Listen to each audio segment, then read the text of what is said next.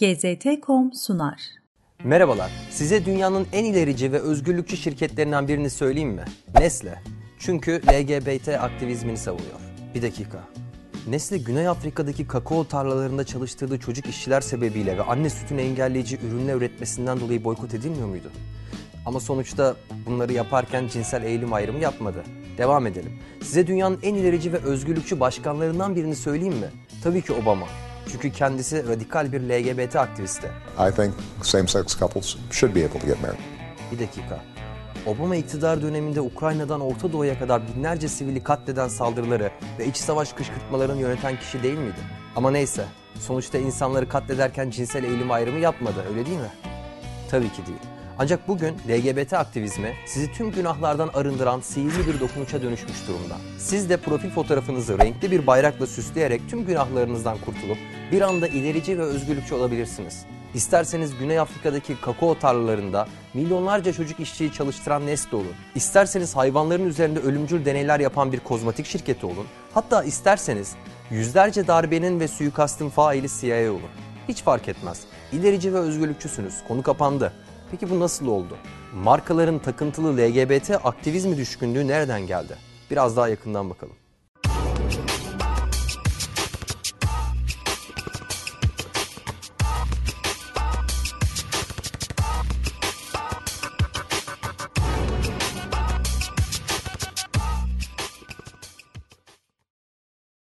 Cesur Yeni Dünya kitabıyla tanıdığımız Aldous Huxley'in üzerine dikkatle düşünmemiz gereken bir sözü var. Politik ve ekonomik özgürlük azaldıkça cinsel özgürlük talebi bu azalışı telafi etme eğilimindedir.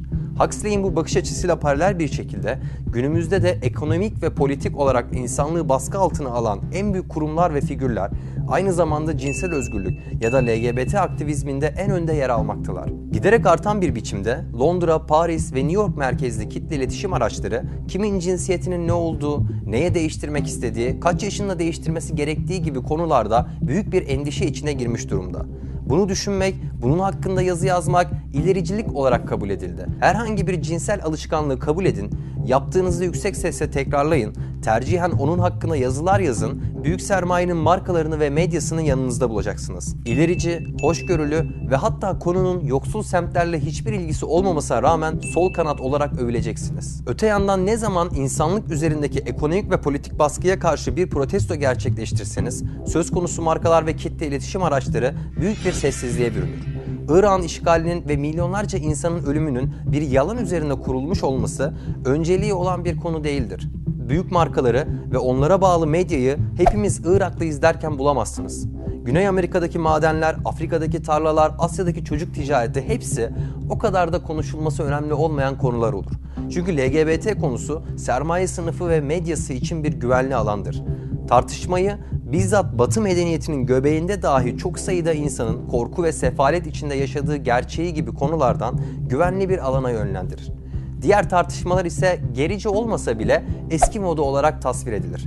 Çünkü ekonomik ve politik zorbalığın güvenliği için insanların özel hayatındaki cinsel ilişki tercihi sağlıksız gece kondu gettolarında yaşamak zorunda olan yüz milyonlarca insandan çok daha önemlidir kişinin cinsiyetini değiştirmeyi amaçlayan cerrahi müdahale, rejim değişikliklerinden ve sonuç olarak milyonlarca insanın hayatının yok edilmesinden daha büyük bir tartışma değerine sahiptir. Hemen burada bir es vererek belirtmek istiyorum. Bahsettiğim şey bu ülkenin eşit yurttaşların anayasal haklarıyla ilgili değil.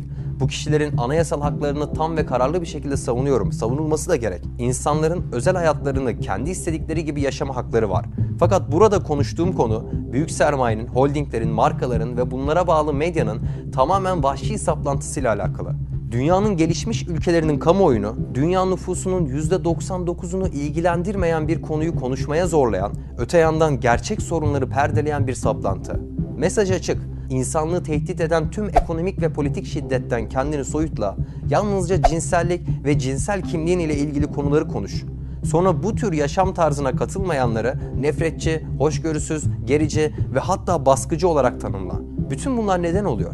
Tüm bu büyük sermaye ve onlara bağlı medya neden cinsel kimliklere bu kadar takıntılı? Cevap basit. Çünkü kendi bedenlerine, arzularına, kimliklerine ve sonsuz haklarına takıntılı olanların dünyanın geri kalanını düşünmek için neredeyse hiç zamanı yoktur. Ve zıttı olarak daha iyi bir dünya için tutkuyla savaşan, insan odaklı toplumlar inşa eden, kendi konforlarını ve kişisel faydalarını feda edenlerin de cinselliklerinin nüanslarını düşünmek için genellikle vakti yoktur veya çok az vakti vardır. Onlar için cinsellik hayatlarının bir parçasıdır. Genellikle de güçlü ve önemlidir ama kesinlikle onların ağırlık merkezi değildir, özleri değildir. Ancak süreç içinde hem kültürel hem de akademik olarak bu ikinci duruş birincisinin karşısında güçsüzleştirildi.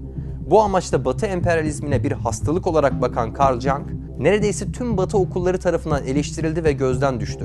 Ben merkezci Sigmund Freud ise yüceltildi. Avrupa ve Kuzey Amerika'da dokunulmaz oldu. Hepimiz kendimize onun gözleriyle görmeye teşvik edildik ve ediliyoruz. Büyük sermayenin, markaların ve kitle iletişim araçlarının saplantılı LGBT takıntısı işte bu bakış açısının bir devamı. Ekonomik ve politik diktatörlüklere karşı aktivist bir tavır göstermek çoğu insana göre parantez içinde o kadar da havalı değildir ve pek tabi biraz da entelektüel zorluğa sahiptir. Bu sebeple bizzat bu ekonomik ve politik diktatörler tarafından daha basitleştirilmiş, sloganlara indirgenmiş, milyonluk ajans kampanyaları ile desteklenen, paket halinde sunulmuş aç bitir aktivistliklere olan rağbet daha fazladır. Bu akıma Türkiye'den de destek veren markalar var. Bunları ayrı bir klasmanda değerlendirmek gerek. Ben özentiliklerine ya da reklam şirketlerinin yönlendirmesine bağlıyorum. Ve ne olursa olsun karşı çıkılması gereken bir propagandanın parçası olarak görüyorum.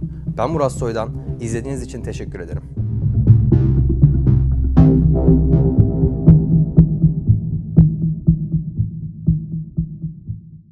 GZT.com sundu.